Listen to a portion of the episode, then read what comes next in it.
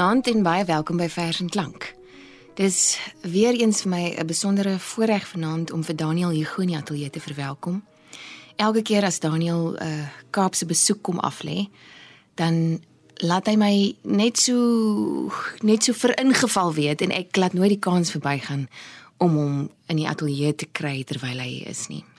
Bekroonde digter, literêre programmaker, meestersamesteller en dit wat ons vanaand op fokus vertaler. As omroeper was Daniel ook hy huishoudelike naam. Dis moeilik om 'n onderhoud te voer met een van die heel beste onderhoudvoerders uh, wat daar is.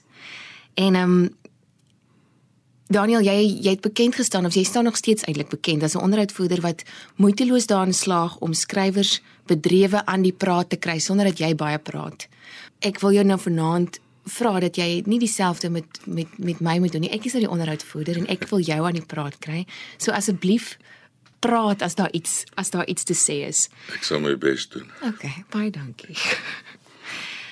Daniel staan bekend vir sy baanbrekerswerk as dit kom by vertalings.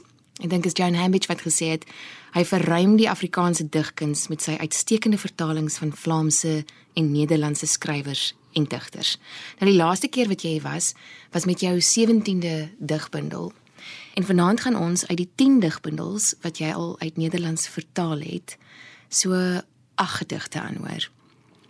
Die eerste ene, ons gaan dit so kronologies vat, kom uit Liefde Miskien wat oorspronklik geskryf is deur Herman de Koning. Herman de Koning is 'n digter wat liefdeswoorde in die oor van sy geliefde uitgiet sonder om te mors. Hy's 'n digter wat sy huilende dogtertjie met verbluffende vergelykings kan sis. Hy skryf tydlose gedigte oor die seisoene en onsterflike gedigte oor die dood. Dit lees ek op die op die agterblad van Die lenige liefde deur Herman de Koning en uit Nederlands vertaal deur Daniel Hugo. Liefde miskien die die eerste bundel wat jy vertaal het van hom was dan jou eerste vertaling? Ja, dit was inderdaad my heel eerste vertaling uit Nederlands. En uh, ek het dit gedoen uit radeloosheid. Ek het destyds hierdie program aangebied. Toe was dit nog vers album geweest. En uh, toe toe elke enkele voorleesbare gedig in Afrikaans op die radio reeds voorgeles is, het ek uh, maar begin vertaal uit Nederlands om iets om materiaal te vind om op die lig te laat voorlees. En op dië manier het ek 'n keuse gemaak uit die vroeë digbundels van Herman de Koning wat toe ook uitgegee is deur Quellerie onder die titel Liefde Miskien. Later na sy dood en nadat sy versamelde gedigte verskyn het, het ek 'n keuse gemaak uit daardie eerste keuse en nuwe gedigte byvertaal en dit het toe verskyn as Die lenige liefde. Liefde Miskien is nog steeds een van my gunsteling vertaalde bundels wat daar is. Wat gaan jy vir ons voorlees daaruit dan? Ja, jy behalwe dat hy baie goeie en gewilde liefdesdigter is, 'n romantiese digter, skryf hy ook oor die dood. Romantiese digters skryf inderdaad altyd oor die liefde en oor die dood. En hierdie is 'n gedig oor sy vader.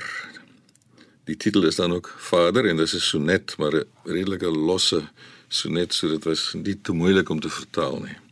Ek bedoel, jy dit was nie nodig dat ek my streng moes hou aan 'n rymskema byvoorbeeld nie. Vader. Die dinge wat verby is, bly rustig verder lewe. Sereen. Omdat hulle nie meer so akuut en nie meer so heeltemal gedrewe moet gebeur nie van minuut tot minuut. So is my vader, sedert hy gesterf het, ook in my drome al 'n paar keer dood, maar traar want hy het al die tyd daarvoor 'n ewigheid. En tog leef hy verder, verder en iets wat vaar. Hy sê niks meer nie. Hy is 'n sweer, my vader, van ou woorde. Die woord al te gader, die woord gelaat en of skoon en bemind. So rustig wil ek ook sterwe 'n keer of 6, 7 in die drome van my kind tot ek doodgewoon bly lewe. Ja, oh, dis mooi. Jy het by geleentheid gesê vertaling van poësie is is vir jou in die eerste plek 'n 'n tegniese uitdaging. Wat hoe, hoe tel jy 'n bundel op en jy besluit, oké, okay, hierdie kan werk? Is dit eers iets wat met jou wat tot jou spreek? Ja. Is dit eers iets wat met jou resoneer en dan gaan dit verder na vers vernuf en al daai goeters? Ja, inderdaad, gedig moet tot my spreek. Ek moet daarom so 90% daarvan verstaan voor ek dit sal waag om dit te vertaal. Daar is sekere belemmeringe wat maak dat gedigte nie vertaalbaar is uit Nederlands en Afrikaans nie. Woordspel is altyd 'n probleem en Herman de Koning was baie lief vir woordspel, so heelwat van sy woordspelige gedigte was eintlik onvertaalbaar, behalwe as jy 'n alternatiewe woordspel kan bedink, maar dit is nie so maklik nie.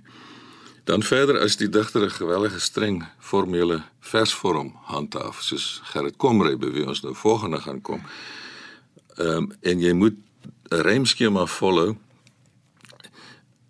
dit is nie dis ook nie altyd moontlik om dit reg te kry nie. So ehm um, eerstens moet 'n gedig tot jou spreek, maar tweedens moet hy ook vertaalbaar wees. Die volgende bundel dan deur Gerrit Komrey, die elektries gelaaide hand wat in 2005 uitgegee is deur Protea.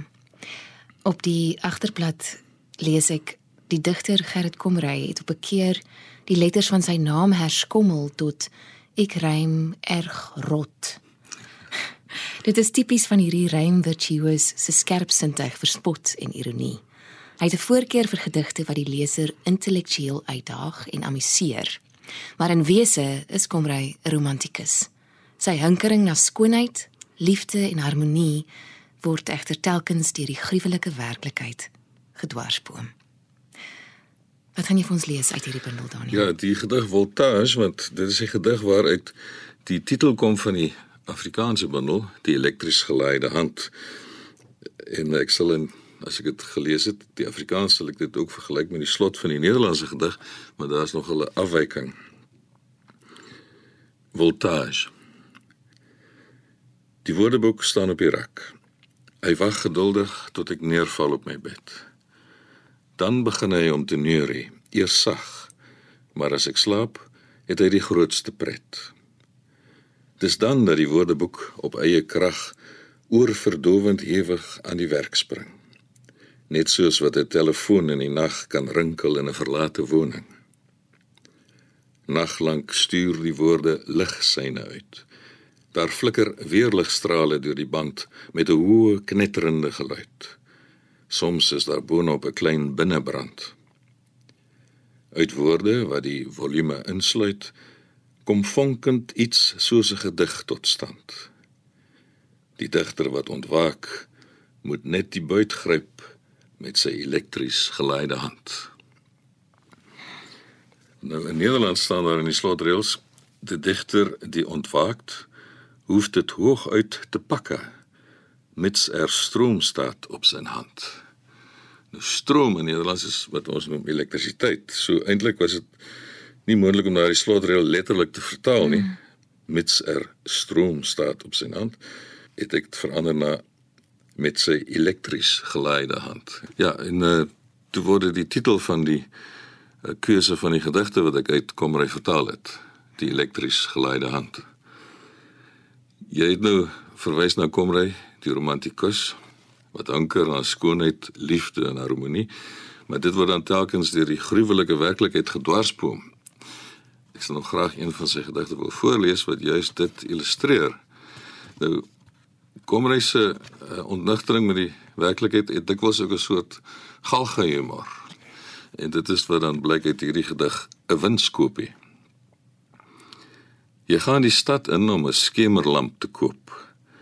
Want dit is in die huis altyd te donker of te helder lig. 'n Ramp vir almal wat hou van geselligheid. Jy loop by elke winkel in en uit totdat die prys en ook die kwaliteit jou aanstaan. Dit is die een. Jy karwei soos 'n tevrede dwerg, magtig maar jy's bly. Die reuse sampioen van 'n lampkap al sloffend huiswaarts, al te nonchalant. Waar jou woning wat 'n sieklike grap reddeloos geruineer staan en brand. dis die galge humor. Ek ken nie veel ehm um, Nederlands nie. En ek weet jy het op 'n stadium gesê dis ehm um, baie min. Soms net soms klink die vertaling beter as die oorspronklike. Maar vir my en vir ons wat nie Nederlands ken nie, klink al die vertalings beter as die oorspronklike. Kyk, Dankie die, Daniel. Die meeste van hierdie boeke het natuurlik die Nederlandse teks links en Ja. die vertaling regs, so die Ja. leser kan wel vergelyk. Ja. Wat die vertaler natuurlik op sy tone hou. Ons volgende gedig kom uit in plaas van die stilte in 2011 uitgegee en dit bestaan uit Miriam van Hees se gedigte wat Daniel vertaal het. Miriam van Hees is een van die mees geleesde digters in die Laalande met talle toekenninge agter haar naam. En op die agterblad lees ek sy dring op haar fluisterende en huiwerende manier deur tot gemoedstoestande waarvoor ons normaalweg ontoereikende woorde gebruik soos weemoed en verlange, verwagting en teleurstelling, besluitloosheid en onsekerheid. Sy waag dit om byna onvatbare gevoelens te beskryf sonder om sentimenteel te raak. Want skryf is 'n vorm van nadenke vir haar, 'n poging om duidelikheid te kry oor haar hier wees.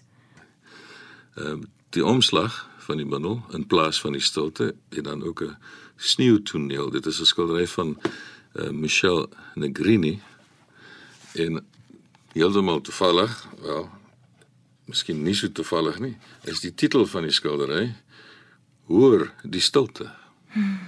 En dit is gekies deur die redakteur van die bundel, Markie Bosman. Sy was destyds by Protea Boekhuis geweest. Markie Bosman is natuurlik self ook 'n digter. Ja. Ja. ja. Dis bitter mooi. Wat gaan jy vir ons lees Daniel? Ja, daai gedigte het meestal nie titels nie, so ek sal moet wegval. so sal sy weggaan, traag en vasberade, soos wat dit gebeur in drome. Geen gebaar waaroor sy haar sal verwonder, geen woorde waaroor sy haar nog sal skaam nie. Geen hand wat haar terughou nie, geen uitbarstings wat haar ontstel nie. So sal sy weggaan dou voor dag geluidloos soos in drome en altyd iets vergeet. 'n bos sleutels adresse warm klere die stasie waarheen. Weggaan en tog bly. Ingesneeu bly wag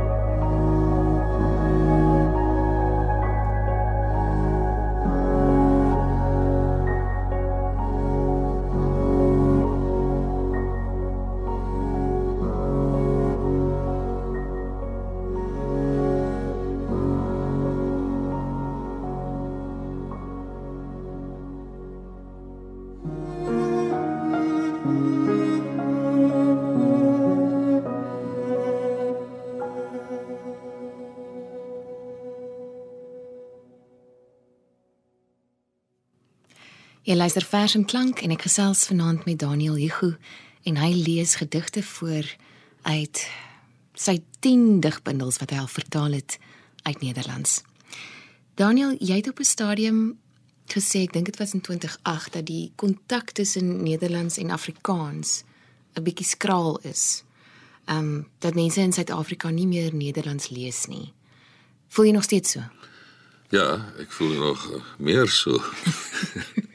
Dis al 10 jaar later. Nederlandse boeke is nie beskikbaar in Suid-Afrika nie. Nederlands het eintlik heeltemal 'n totaal vreemde taal geword in Suid-Afrika want dit word nie meer op skool voorgeskryf nie. Mm.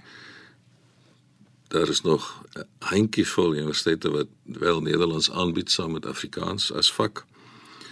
So die twee tale groei natuurlik ook al hoe verder uit mekaar. Tale staan nooit stil nie, tale ja. ontwikkel en die twee tale ontwikkel vinnig. En uh, Afrikaans is wel gebaseer op standaard Nederlands. Ek bedoel die die gestandaardiseerde vorm van Afrikaans is wel gebaseer op standaard Nederlands, maar dit was van 100 jaar gelede. Hmm. En standaard Nederlands lyk ook al vandag heel anders, net soos wat Afrikaans baie vinnig verander. So dit is inderdaad twee vreemde tale wat al hoe vreemder word. Die volgende gedig wat jy gaan lees kom uit Leonard Nolens se bundel. Wel, kom uit Leonard Nolens se se digkuns en jou bundel 'n digter in Antwerpen, ja. jou vertalings. Ehm um, Leonard Nolens is ook 'n beduidende Vlaamse digter en vir hierdie versameling Afrikaanse vertalings het jy veral gekies uit gedigte oor Antwerpen, die stad waar Nolens woon en werk. Het jy 'n uh, verband met Antwerpen? Ja, ek uh, ken Antwerpen al sedert 1983, die jaar toe ek in België studeer het. En daarna was ek 'n paar keer weer terug in Antwerpen gewees. Dit is baie mooi stad. 'n Lieflike stad. As ek moet kies na Kaapstad, sou ek Antwerpen kies om te woon. Lees asseblief vir ons die gedig Anonieme briewe. Ja. Dit is eintlik 'n soort selfportret wat hy hier skep want Nolan staan bekend as 'n kluisenaar, het baie min omgang met mense. En uh, hy woon nou wel in 'n hawe stad, maar hy reis baie min. Hy was 'n keer in Suid-Afrika by die Woordfees op Stellenbosch. Dit is waar ek hom ook uh, ontmoet het. Anonieme briewe. Hy woon al so lank in die buurt. En nog nooit het iemand gehoor dat sy naam geroep word nie. En nog nooit het iemand gesien dat by sy huis geklop word nie. Daardie bolwerk van stene sonder 'n klokkie. Daar was vanoggend in sy posbus die swart van 'n onleesbare koerant, die geel van 'n poskaart beplak met eksotiese diere en blomme, beroemde gesigte wat niemand herken nie. Hy is ons buurt se geheim. Iemand het vannag deur sy vensters 'n berookte keel van lamplig gesien en 'n sirkel wat rustig brand op sy tafel. Binne-in was die hand wat hier skryf. En dan die volgende gedig kom uit die bundel Die singende wêreld deur Mark Tritsmans. En ek onthou die onderhoud wat ons daaroor gehad het. Dit was my wonderlik geweest om ehm um, dit was eintlik die eerste keer wat jy van jou vertalings in hierdie ateljee kom voorlees het. Die Vlaamse digter Tritsmans gee in sy gedigte stem aan die aarde met al sy bedreigde spesies. Hy doen dit in melankolies liriese gedigte waarvan die vaste versvorm as teenvoeter moet dien vir 'n wêreld wat besig is om ekologies ineen te stort. En jy het dit in Afrikaans vertaal en soos die agterblad sê en daarmee die woorde van 'n man uit die noordelike halfrond klokhelder aan die suidpunt van Afrika laat opklink. Wat gaan jy vir ons daai lees dan? Ja, ek gaan die titelgedig lees die singende wêreld. Die Nederlandse titel is Het zingen van de wêreld. Die singende wêreld. Laat hierdie wêreld na ons verdwyning stadig haar asem terugkry. Haar talle diep wonde lek. Al wat gemis sal word is dat ons die enigstes was wat haar en alle sigbare, denkbare dinge 'n naam kon gee. Sodat na ons alles naamloos en sonder erkenning verder sal moet bestaan. En hoewel al ons wanklanke, al ons sinlose en doellose kabaal in die niet opgelos sal wees, sangluister nagtegaal en klein karakiet opnuut hul hoë lied sal aanhef, sal ook vir ewig bly ontbreek wat towenaars soos Bach en Beethoven eens so wonderbaarlik aan hierdie singende wêreld toegevoeg het.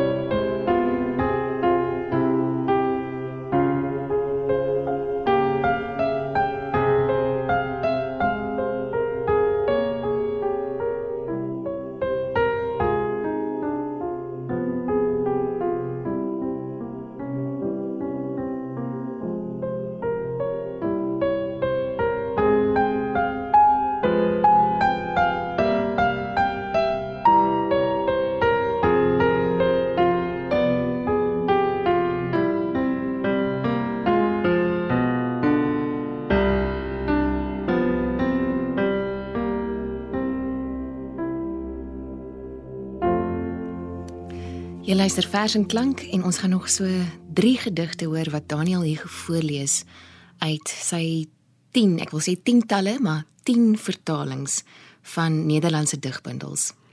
Die volgende gedig kom uit die bundel Die Trou Servies. En Benno Barnard wat die Nederlands geskryf het, is 'n vriend van jou Daniel. Ja.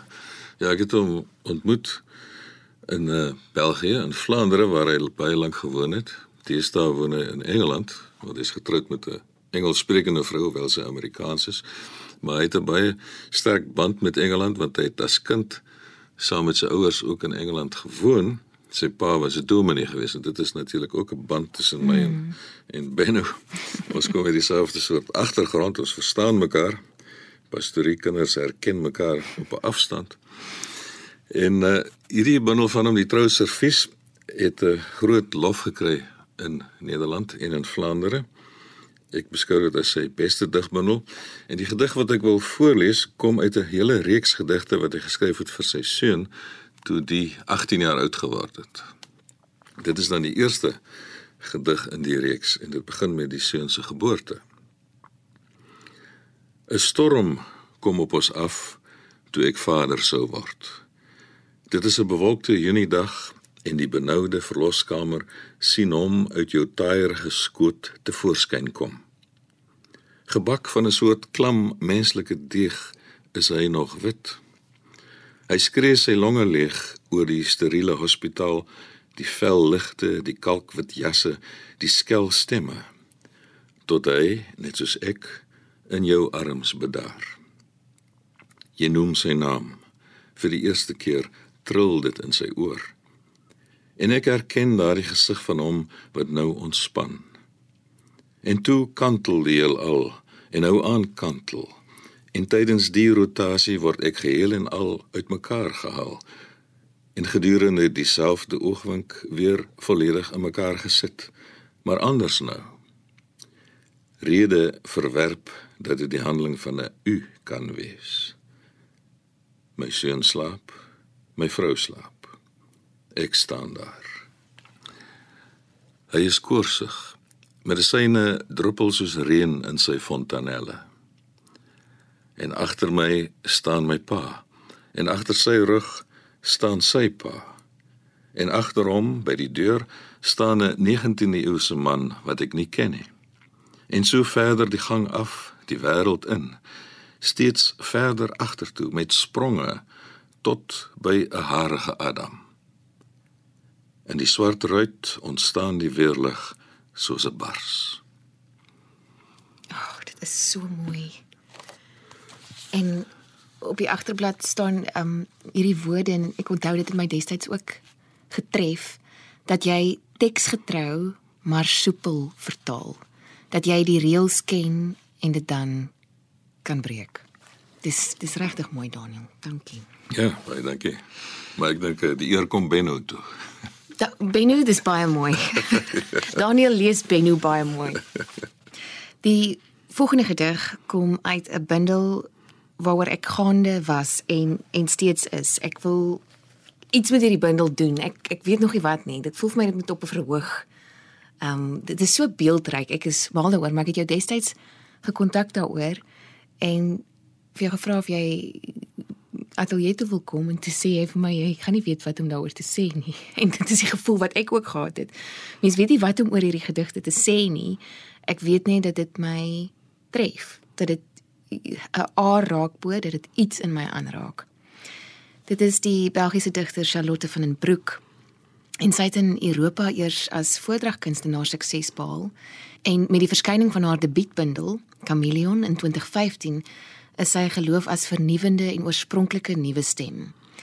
Chameleon is 'n reeks oënskynlik naïewe maar ironiese, speelse en subversiewe gedigte wat 'n meisie se identiteit soek tog na vrou wees karteer. Gewaag dan Daniel dat jy hierdie bundel aangepak het. Um ja, dit is dit was 'n waagstuk geweest, maar as professionele vertaler roem ek my daarop dat ek enigiets kan vertaal selfs die uh, totaal vreemde geheimsinnige wêreld van 'n tienermeisie. Jy kan. Inderdaad en ehm um, dit sê ook hier op die agterblad dit is 'n ontdekking van die lyflike en van taal en delf deur herinneringe, landskappe en vorms. Ek gaan dan die gedig Welsynswoning voorlees uit Chameleon deur Charlotte van den Broek en vertaal deur Daniel Igu.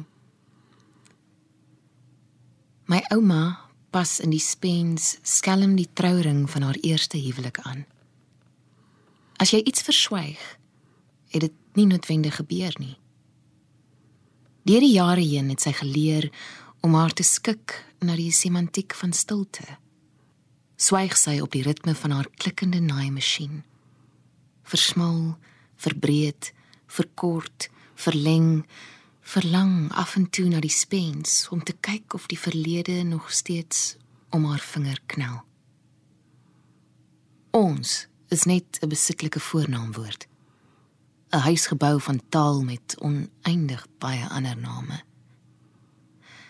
Dit is moeilik om te woon in 3 letters. Daar is so min plek. Ja. Ek is bly jy het gelees. Want jy lees dit beter as wat ek sou kon. Nie sommer nie, maar dankie. Maar uh, dit is tog merkwaardig vir so 'n jong digter om die dinge so onder beheer te hê, taalkin, taal taalsgewys so onder beheer te hê en dan uh fantastiese beelde te skep. Uh deur die jare heen het sy geleer om haar te skik na die semantiek mm. van stilte mm. byvoorbeeld. Ja. Die laaste bundel waaruit ons vanaand 'n gedig gaan hoor, is een wat ons verlede jaar 'n program aan afgestaan het. Dis deur Eddie van Vliet en dis 'n keuse uit sy gedigte en die bundel se titel is Na die wette van afskeid en herfs. Op die agterblad lees ek wat professor Eve Tune geskryf het. Die Vlaamse digter Eddie van Vliet is een van die kragtigste stemme in die Nederlandse digkuns van na die Tweede Wêreldoorlog. Sy gedigte word gekenmerk deur universele temas, soos die liefde en die dood. Die digter bou met beeldende taalgebruik 'n brose binneplaas in 'n bedreigende wêreld, 'n tydelike verblyf tot en met die onafwendbare verval. Van Vliet is 'n romantiese genealoog wat diep put uit 'n veelbewoë lewe, maar hy bly weerbaar met ironie en selfrelativering. Ironie en selfrelativering klink soos iets waarmee jy kan assosieer Daniel. Absoluut. en dit uh, is nou heel toevallig dat dit nou so werk dat ons begin het met Herman de Koning en afsluit met Eddie van Vliet. Hulle was tydgenote en hulle was ook vriende. Albei digters oor die liefde en die dood, albei romantiese digters en albei het baie jonk gesterf. So en tog 'n merkwaardige versamelde werke nagelaat wat vandag nog gelees en waardeer word hmm. in die Lae Lande en hooplik ook nog in Suid-Afrika. Definitief. En as ek die kans kry om 'n program te laat uitspeel met 'n voorlesing van Daniel, gaan ek nie die kans laat verbyglip nie. So ek gaan nou groet en dan gaan Daniel die laaste gedig voorlees deur Eddie van Vliet. Van my, Frida en Daniel hier vanaand. 'n Mooi week vir jou. Dankie Frida. Ek gaan waag om die gedig eers in Nederlands te lees met 'n soort neutrale aksent want Van Vliet was natuurlik 'n Vlaamse digter en Vlaamse die Vlaamse uitspraak verskil ook nog van die Nederlandse uitspraak. Hier kom die Afrikaanse Nederlands dus. Dood. Dood heb geen angst. Talm niet voor mijn deur. Kom binnen. Lees mijn boeken. In negen van de tien kom je voor. Je bent geen onbekende. Hou mij niet voor de gek met kwalen waarvan niemand de namen durft te noemen. Leg mij niet in een bed tussen kwijlende kinderen die van ouderdom niet weten wat ze zeggen. Klop mij geen geld uit de zak voor nutloze uren in chique klinieken. Veeg je voeten en wees welkom. Dood. Dood. Moenie bang wees nie. Moenie voor my deur bly talm nie. Kom binne. Lees my boeke. In 9 uit die 10 kom jy voor. Jy is nie 'n onbekende nie. Moet my nie vir die gek hou met kwale waarvan niemand die name durf noem nie. Moet my nie in 'n bed sit tussen kwylende kinders wat van ouderdom nie weet wat hulle sê nie. Moet my nie geld laat betaal vir nutlose ure in deftige klinieke nie. Vee jou voete af en wees welkom.